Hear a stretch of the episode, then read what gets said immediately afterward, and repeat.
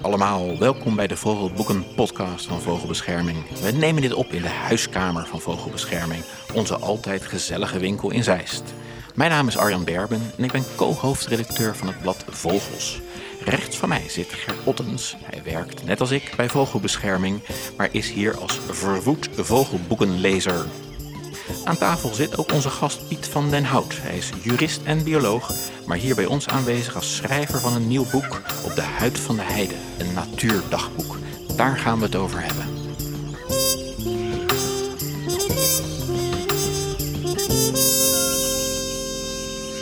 De Vogelboeken Podcast. Een podcast van Vogelbescherming Nederland. Piet, op weg hier naartoe heb jij vast een vogel gezien. Ja, zeker, zeker. Het meest opvallende is denk ik uh, balsende buizerds boven Brabantse bossen. Wauw, wat een prachtige alliteratie. ja, ja. En daar heb jij ongetwijfeld van genoten, van ja, deze buizerds. dat was mooi. Ja, vanuit de auto kon ik natuurlijk niet zo lang kijken. Maar uh, het was mooi, ja. Ja, dat was fijn om te zien.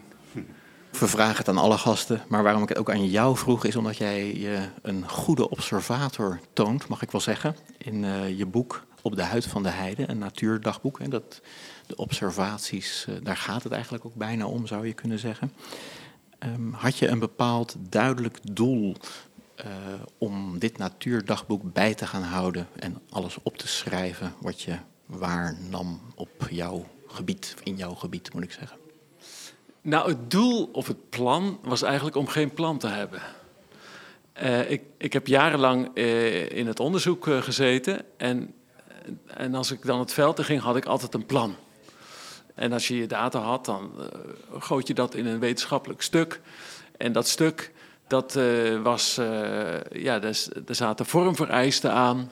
En eigenlijk, dat zijn eigenlijk twee onvrijheden waar ik, van, waar ik eens gewoon eens even van af wilde. Niet voor goed, maar in elk geval voor een tijdje.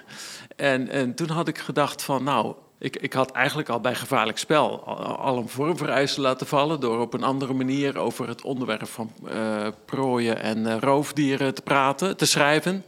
En, uh, en, nu dacht ik, en nou laat ik ook die, de vraagstelling vallen. Dus, dus ik ga gewoon het veld in, kijk wat er gebeurt en wat mij, wat mij eigenlijk overkomt. En, en dat ben ik gaan opschrijven. Dus eigenlijk heb ik de, de, natuur de regie ge gegeven, zou je kunnen zeggen. Ook om even los te laten wat je werk is en weer terug te gaan, als ik het jouw boek begreep, ja, goed ja. begreep, naar, ja, naar je liefde voor de natuur. Ja, ja, klopt. Het boek speelt zich dus af in een, in een ja, niet een beperkte setting in de zin van uh, klein, want je, je ziet juist heel veel, maar je hebt wel een, een, een, een één vast terrein gekozen waar je naartoe ging. De ja. rechte heide, met daaromheen beekdal en bos. Uh, kun je iets ja, vertellen over de geschiedenis van de rechte heide? Waar, wat voor gebied is het? Waar moeten we aan denken? Ja, de rechte heide heeft uh, heel veel facetten. Het begint, als ik als zeg maar in de, in de tijd uh, zeg maar het meeste teruggaat, dan zijn er uh, tektonische invloeden. We hebben in heel Europa natuurlijk, we hebben de Alpen, we hebben de Pyreneeën. En dat is allemaal te maken met tektonische krachten van de Afrikaanse plaat. die zeg maar de boel opduwt. En dat zien wij ook terug in ons landschap. Dat, zien we, nou, dat hebben we bij de Roermond-aardbeving beleefd. En dus er zijn een serie van horsten en slenken. En die rechte heide is een horst. En aan de weerskanten van de rechtse heide heb je dus slenken. En dus dat is eigenlijk een, een opgestuwd gebied, zou je kunnen zeggen. En, en, nou ja, dan, je kunt ook zeggen dat de kanten daarnaast zijn gescheurd. Want er zitten natuurlijk aardscheuren zijn daarmee gekoppeld. Dus, het heeft een, dus in is het geologisch interessant. Wat, wat het ook interessant maakt, is dat ja, bijna een miljoen jaar geleden uh, was de Maas, die, die is nu heel oostelijk, maar die was veel westelijker. En die stroomde daar zeg maar, op een, op een, op een hele vrije, uh, meanderende manier, ging die veel trager dan nu en veel minder geconcentreerd, ging die daar over, over dat gebied heen. En die heeft heel veel steentjes achtergelaten en, en, en gruis. En dus dat, dat, dat zie je ook terug. Die steentjes die liggen daar nog, die kun je daar nog zien. Ja, en dan heb je ook nog de bewoning. Er zijn, er zijn grafheuvels, je ziet daar grafheuvels. En dat geeft aan dat daar mensen hebben gewoond. Dat is duizenden jaren geleden. En je, er zijn zelfs restanten gevonden van, want er loopt een, eh, een beekje, dat heet uh, de Lei. Er zijn restanten gevonden van vonders. En uh, dus zeg maar oversteekplaatsen waar mensen en dieren hebben overgestoken. En, en ja, voorden en vondes. Voorden zijn eigenlijk voor de dieren, vondes voor de mensen. Daar, je, daar hou je droge voeten met een vonder, dat is een soort bruggetje. En uh, die zijn daar aangetroffen. En het land is ook bewerkt. Er zijn resten van hele oude raadakkers zijn er gevonden. Je ziet het zelfs. Dus ik heb als iemand van de meege, meegehad in het veld. En die liet het mij zien. Van, je ziet zelfs nog de structuren van de raadakkers hier en daar in het veld. En ze hebben dat met, ook gemeten met lasers. En dan kunnen ze hele subtiele hoogteverschillen. En dan kunnen ze met, met lasers kun je dat hele raadpatroon zeg maar, blootleggen. Dat is heel, heel mooi. Dus, dus ja, er is eigenlijk heel veel uh, dus, dus bewerking van het landschap. En ja, daarna is men, men heeft het landschap ook heel intensief bewerkt. Daarom is het ook heide geworden. Dus er, stond allemaal, er stonden heel veel bossen, er zijn heel veel bomen gekapt om heide. Je hebt die potstalcultuur gehad met de schapen in de, in de hè, middeleeuwen. En ja, nou ja, en het meest recente, wat, wat eigenlijk nu het meest het oog vangt, is, uh, is zijn de, de effecten van stikstof, vergassing van de heide en dergelijke. Daar gaan we zo nog uh, op in. Maar ja. uh, het, het, is ook, ja, die, die hele geschiedenis van zo'n gebied, dat heeft natuurlijk ook zijn weerslag op de fauna en de flora die je er aantreft. Dat is een mooi bruggetje. want, nou ja, je, je, het is een natuurdagboek, je zegt het al, of tenminste de titel zegt het al. Er valt heel veel te zien op de rechte, rechte heide. Uh, ik, ik, ben zelf, ja, zou, zou kunnen zeggen, een vervent local patcher. Dus ik heb een, een, aantal gebieden waar ik heel vaak kom om te vogelen. Gewoon lekker, lekker rondlopen, fietsen, zitten. Zie jij de rechte heide ook als, als jouw local patch, als je dat begrip kent? Dus dat, als, je, als je even een uurtje over hebt of je hebt even tijd, even snel op de fiets, even snel naar de rechte heide. Of Zeker. Ieder, ieder moment dat je, of dat je er vaak ja. aan denkt. Of... Ja, ja, ja. De laatste jaren ga ik zelden naar andere gebieden. Ik ga, ik ga eigenlijk altijd naar dat gebied. Dus dat is een, een gebied dat ik ja, een beetje in mijn hart heb gesloten, zeg maar. Alleen wat, wat, wat ik dus niet heb, en dat is ook een vorm van, nou ja, ik weet niet of discipline het goede woord is, maar ik probeer niet uh, te streven naar bijzondere soorten bijvoorbeeld. Want dan, weet je, dan ga je met een verwachting het veld en denk je, oh ja, zal ik wat bijzonders zien vandaag? En uh, dat is ook altijd de vraag die je krijgt als je vogelaar tegenkomt. Heb je nog iets bijzonders gezien? Dan zeg ik, ja, ik heb heel veel heel bijzonders gezien. Ik heb net naar een roodbos zitten kijken, bij spreken, die hele bijzondere dingen deed. Dus ik, ik kijk dan liever naar het gedrag van gewone vogels dan dat ik telkens. Ik vind het prachtig als ik iets bijzonders zie, natuurlijk, maar ik ga er niet naar op zoek. Nee, en, en, en het is ook, ik, ik, ik raadpleeg ook eigenlijk zelden waarneming.nl. Ik ga gewoon dat gebied in en kijk wat het mij biedt. En dat is, dat is ook echt, dat doe ik bewust. Om niet ja, in, de, in de, ja, ik zou haast zeggen, de valkuil van het streven te geraken. Nou, we hebben alweer bijna een mooie titel voor een nieuw boek. De valkuil van het streven. Ja, ja wellicht. Ja, ja. Ja. We hebben het al gezegd, je, je, het is een natuurdagboek. Je boek loopt van februari tot maart. Ja, je rijgt daarbij de ene mooie natuurobservatie naar de andere uh, aan elkaar. Had je, had je ook een bepaalde werkwijze waar je zeg maar, over nadacht? Terwijl je dan, liep je daar al met, je, met, met het boek in je hoofd? Of... Nee ik, heb, nee, ik heb op een gegeven moment een beslissing genomen. Ik, ik, ik was al, uh, hoe heet het, uh, toen ik weer terug thuis ben gaan wonen. Want ik was daarvoor, had ik een beetje een nomadisch bestaan met veel veldwerk en zo. En, en, en dacht ik van, nou, nou, nu heb ik weer een vast gebied. En net als vroeger, als, als jochie ging ik naar de Biesbos. En dat was gewoon altijd een vast gebied. En als je een vast gebied hebt, heb je ook een vast decor. En kun je ook veel beter de seizoenen voorbij zien glijden. Omdat je achtergrond als het ware gelijk blijft. En uh, dus dat, dat dacht ik, nou, dat krijg ik nu weer terug. Uh, en, uh, maar ja, dus, dus het enige. Ik had wel het doel van, om het op te schrijven. En ik heb natuurlijk altijd, maar dat, zelfs als ik geen boek schrijf, ik heb altijd een veldboekje bij me. Ik schrijf alles op. En in die zin ben ik nog, nog ook echt een wetenschap, want ik schrijf alles op, exact met de tijden enzovoort. Alles. Dat doe ik altijd. Ja, dat zit er gewoon in. Dat gaat er nooit meer uit. En dat moet er ook niet uit. Nee. Dus, dus dat heb ik wel altijd gedaan. Maar ik heb wel soms, als ik bepaalde dingen zie, dat er, dat er zinnen in mijn hoofd komen. En denk, oh, nou ja, daar zou ik ook wel iets moois van maken. Dat, dat gebeurt vanzelf, zeg maar. Dus, dus ik ben, ik ben een, be beetje, een klein beetje ook het boek aan het schrijven als ik in het oh, veld okay. ben. Ja, ja, een beetje wel, ja. Ja. Leuk. En, en heel soms schrijf ik een zinnetje op in mijn boekje. Ja, ja, ja. Wat ik me ook nog afvraag, ja, je, bent, ja, het is, ja, je bent bijna dagelijks, zou je kunnen zeggen, eh, in het gebied, op de Heel rechte vaak, hei. ja. Of heel vaak, Ja. dagelijks misschien een beetje overdreven.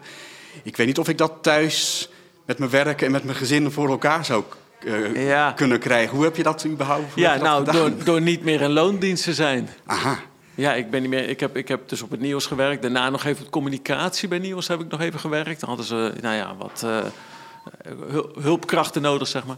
Dus dat heb ik toen gedaan.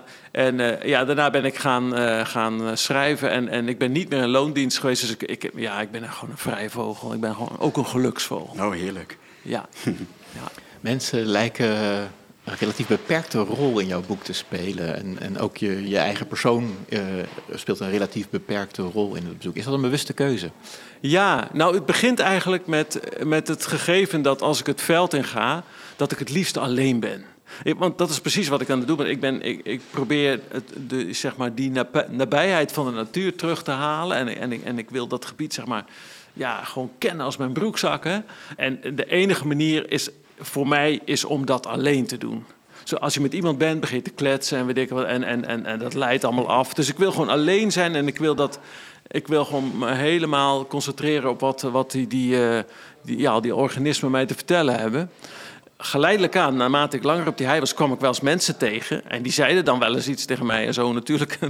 En, en dat, ja, er was iets ambivalents. Dat waren heel, vaak heel aardige mensen. Alleen ik had zoiets eh, dat gaat allemaal van mijn tijd af. Zeker er als, niet het, op zeker als het ochtends vroeg is, weet je wel, dat gouden uurtje van de dag. En dat je, oeh, ja, dit, dit wil ik, eh, hier, ja, hier wil ik ten volle van genieten. En niet een, niet een kletspraatje houden, want dat, dat nou ja, dus, dat, dus dat, dat geeft al aan dat, dat, dat daardoor mensen niet, eh, ja, dat, die hadden geen prioriteit in, eh, in mijn boek. En eh, ja, wat mijzelf betreft, ik heb mij er niet, zeker niet expliciet in gezet, denk ik. Een klein beetje het voorwoord. Maar ik zit er natuurlijk wel in. De, de manier waarop ik kijk en wat ik zie en wat het met mij doet. Ja, in feite ben ik dat wel.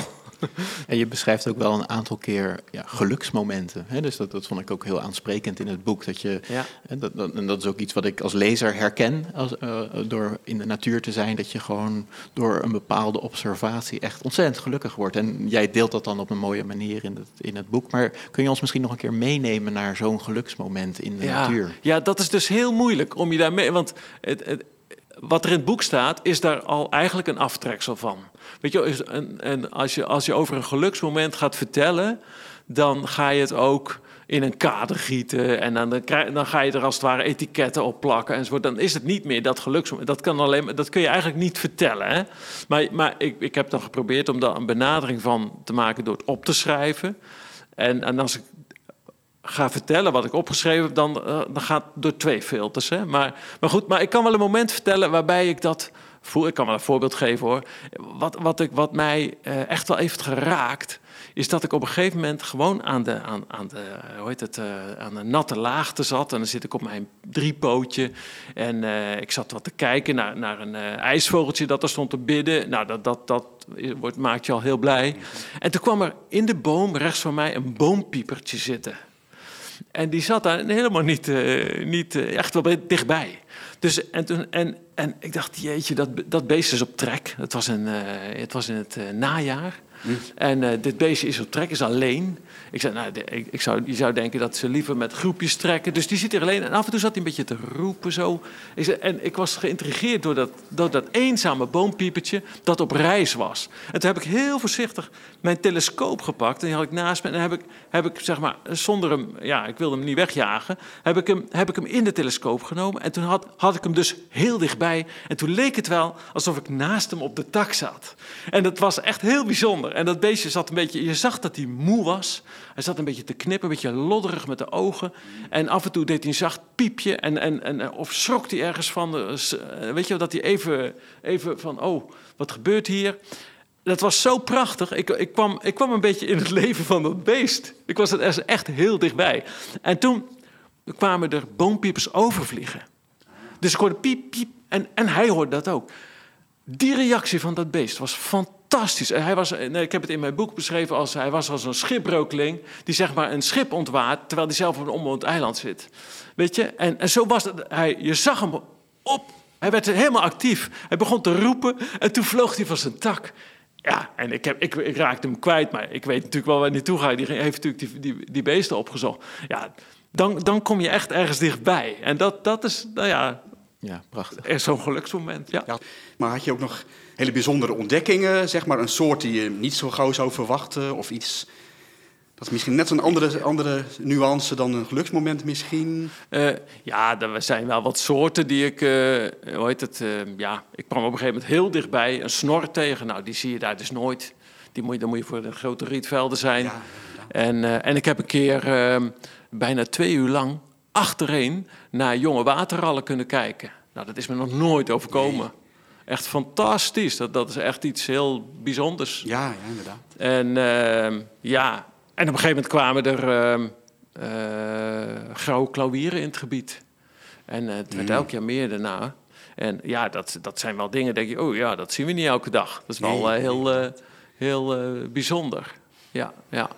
Ik ging even echt even rechtop zitten toen je het over een hop begon te hebben. Oh, ja, ja, en een hop. nog. Ja, zeker. Toen ik dat hoorde, dat denk ik, hey, ik krijg, nou, ben ik nog gek of wat? En eh, nou, dichterbij. En toen zat er hoog in de boom een hop. Ja, dat is ook zo'n moment. Dat is natuurlijk iets heel bijzonders om dat daar te zien. Eigenlijk, eigenlijk hoopte ik ook toen je, toen je die hop had eh, gevonden... dat er op een gegeven moment een aantal bladzijden verder... dat het misschien een broedgeval zou worden of zo. Of dat het ja, heel- nou, het is nou een iets- broedgeval iets- geweest. Oh ja, maar oh, buiten mijn gebied. Oh, Ja, het is buiten mijn gebied. In de buurt van Alphen heeft hij gebroed. Ja, en eh, ik heb ook mensen ge- gesproken die het gezien hebben enzovoort. En ik dacht van ja, maar ik ben daar zelf niet bij geweest. Ik ga er niet in mijn boek verwerken. Want ik, ik wil eigen waarneming in het boek verwerken. En eh, daar kan je wel over van alles gaan Ja. vertellen. Dus eh, ja, nee, helaas, eh, dat broedgeval is niet in... als het daar had plaatsgevonden, had ik er uiteraard over geschreven. Ja, ja, natuurlijk. Ja, ja. Je hebt een, een, heel, een heel jaar rondgelopen. Dat is natuurlijk een, te korte tijd om iets te, te, te, zien, te, te zeggen over hoe zo'n gebied dan, ja, wat daar aan, aan die dynamiek qua vogelpopulaties gebeurt. en Ja, zo. Maar heb je ook een. Referentie misschien naar eerdere jaren? Of heb je, Ja, je ik kwam, ik, kwam er, eens? ik kwam er wel eens daarvoor. Eh, Een stuk minder vaak. Maar ik, ik, ik kwam er wel af en toe. Dus ik heb wel enige referentie.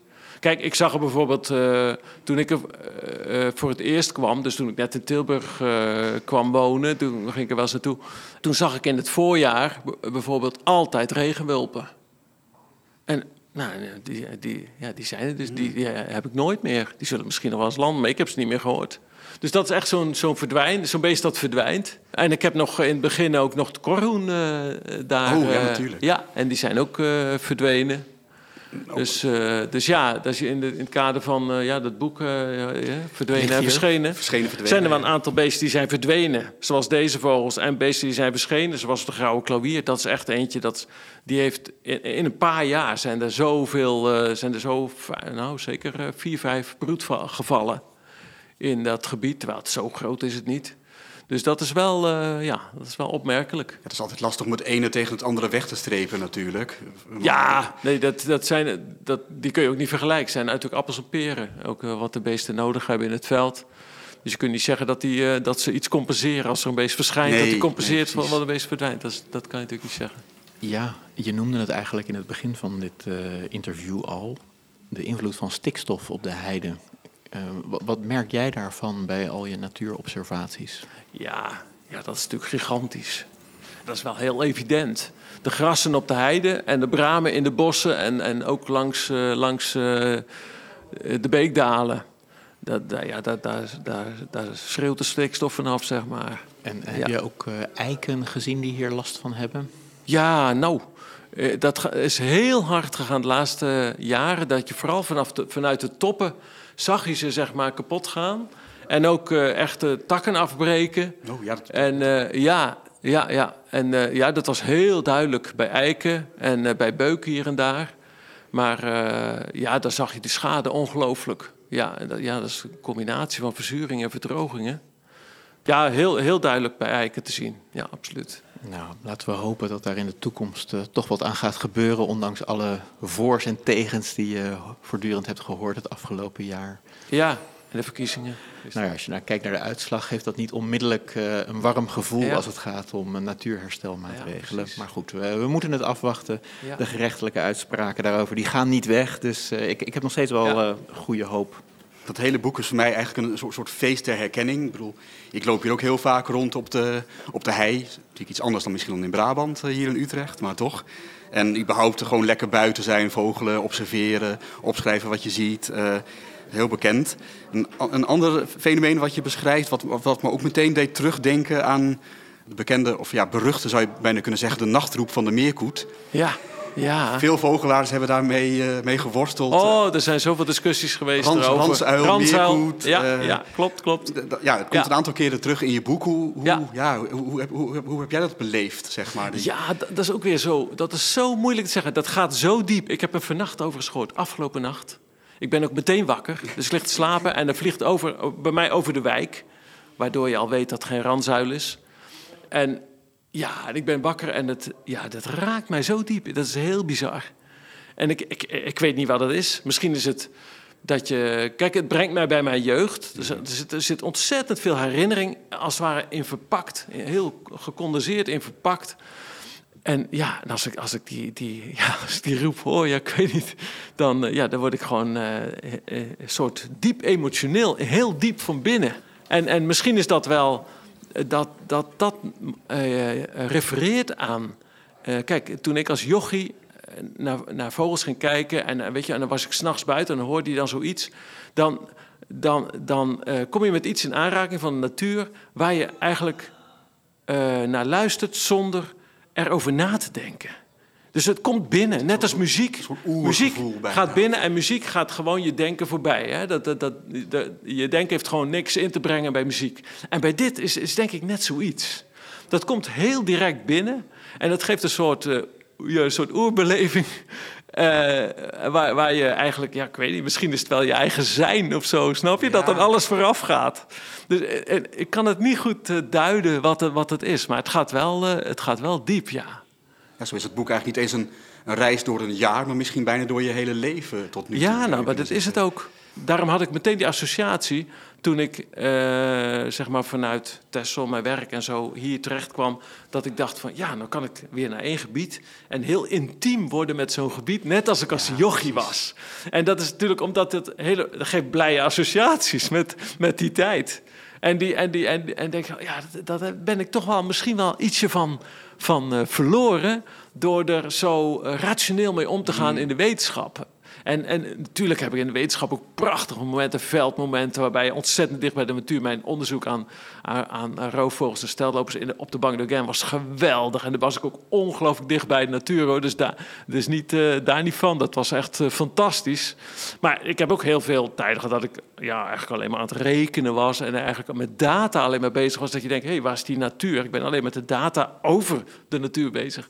En dan verlies je die intimiteit een beetje. En, en, en eh, die, ja, die heb ik ja, ik ben gewoon op zoek geweest om die intimiteit terug te krijgen.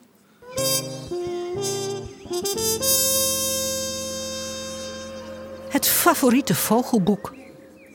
Piet, we gaan eh, naar je boekenkast.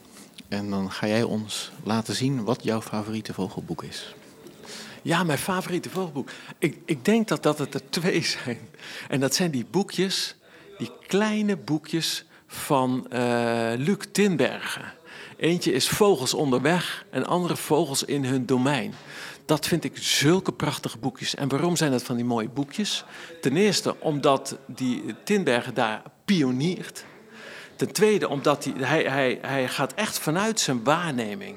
Gaat hij kijken naar die vogels, bijvoorbeeld bij Vogels onderweg. Hoe ze vliegen, hoe ze over Texel gaan. Welke richtingen ze kiezen, onder welke condities. En dan maakt hij tekeningetjes bij. Hij is ook nog een, een, tekenaar. Ja. En ja, dat, dat, die speelsheid, maar ook die creativiteit die in dat boek zit. Dat, ja, dat vind ik prachtig. Dat vind ik echt heel mooi. Het is niet geconstrueerd, maar het is heel spontaan. En eh, dus ja, dat, ik denk dat dat mijn eh, lievelingsboekjes zijn. Noem nog één keer de beide titels. Dat is Vogels onderweg en Vogels in hun domein. Allebei van eh, Luc Tinbergen. Dat zijn oude boekjes hoor, alleen maar antiquarisch te verkrijgen uiteraard. Dat is echt fantastisch.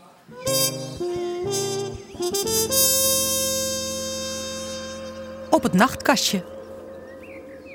Gert, als eh, ornithobibliofiel, mag ik jou daarop aanspreken wat er dan op je nachtkastje ligt? Eh, ja, tuurlijk. Het boek heet Uilen van het eeuwige ijs.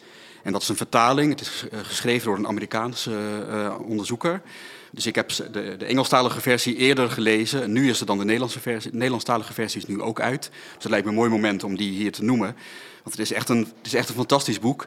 Het leest echt als een avonturenroman. Hij doet onderzoek naar de Blakiston's Fish Owl in het oosten van Siberië. Ik denk in de jaren negentig uit mijn hoofd. In ieder geval een tijd, sowieso een plek waar natuurlijk eh, met hele bijzondere omstandigheden. Ja, hij, het is vooral in de winter dat hij daar actief is en op zoek is naar die uilen. Nou ja, daar liggen natuurlijk meters eh, sneeuw en bevroren rivieren, waar dan, die dan toch niet altijd zo bevroren lijken te zijn als hij er overheen loopt. En hij maakt daar van alles mee. Eh, hij werkt daar samen met Russische onderzoekers, wat ook allemaal hele kleurrijke figuren zijn. Hij ontmoet ook bewoners daar van dat gebied, ook hele bijzondere mensen. Het is, hij beschrijft zijn onderzoek. Sowieso was het volgens mij voor het eerst dat überhaupt iemand naar die soort uh, keek. Met als doel ook om die soort beter, nou ja, uiteindelijk beter te, te kunnen beschermen, want het is ook een bedreigde, bedreigde soort.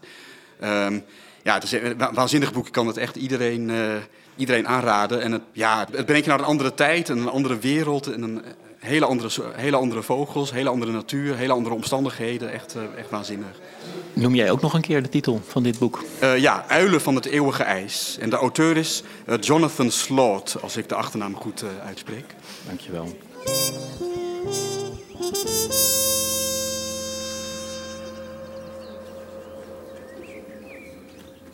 Ja, terug naar de heide. De, ja, wij zijn heel erg gefixeerd op vogels, dat zal je misschien niet verbazen. Maar je beschrijft veel meer, dan vogels. Je hebt uh, heel veel ontmoetingen met allerlei soorten dieren. Ja. Kun, kun je ons uh, er eens eentje uitlichten? Ja, ja dit was voor mij een hele ontdekkingstocht. Een aantal dieren kende ik nog helemaal niet goed. Maar bijvoorbeeld uh, de, de grijze zandbij, die heel vroeg in het jaar al actief is, hè, als de wilgen in bloei komen.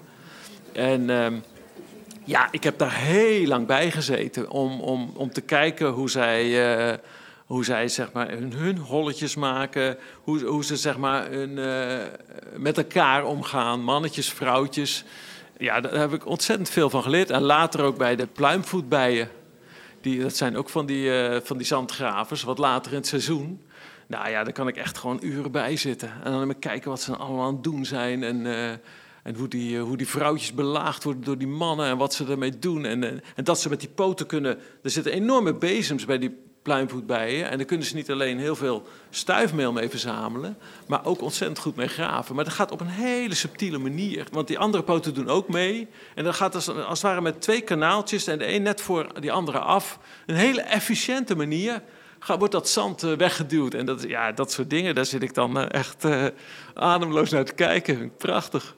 Ik vond ook een bepaald griezelmoment in je boek zitten. Namelijk, je neemt een foto van een pad. Ja. En komt dan thuis erachter dat het niet zomaar een gewone pad was. Ja, dat klopt, ja. Ja, dat was uh, best wel indringend.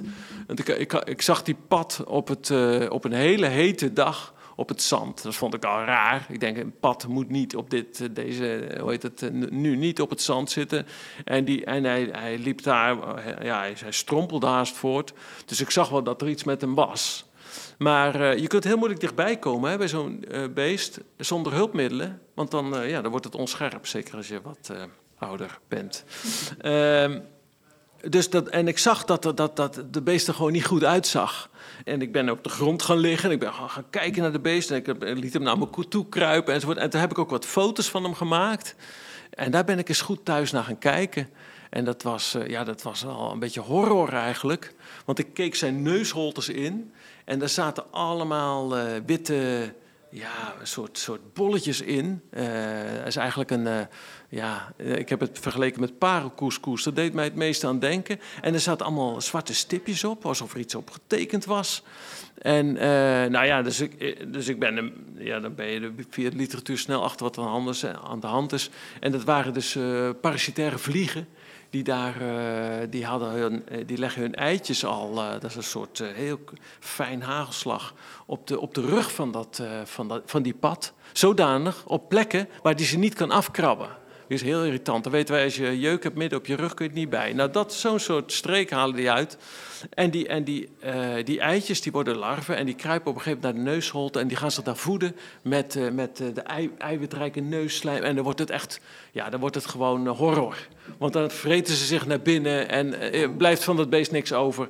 En dat is, ja, en dat is ook natuur. En, en, en dan, ja, dat brengt je dan op het, op het uh, hoe heet het, in de context waarin mensen ook over de natuur praten in uh, morele termen. Weet je, net als nu met de wolf bijvoorbeeld, weet je wel, gemeen beest en, en, enzovoort.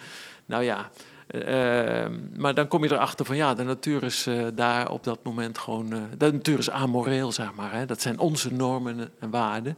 Maar zo gaat dat. Zo gaat eten en gegeten worden op ja. allerlei manieren. En met opportunistische kantjes. Ja. Piet, ik wil je bedanken voor je komst naar, uh, naar Zeist, naar onze winkel hier bij Vogelbescherming. En ik wil alle luisteraars vooral toch het boek aanraden op de huid van de heide, een natuurdagboek. En vooral ook heel erg bedankt voor het luisteren jullie allemaal. En we hopen dat je de volgende keer ook weer op ons afstemt. Maak er een binge marathon van met al je vogelboekenvrienden.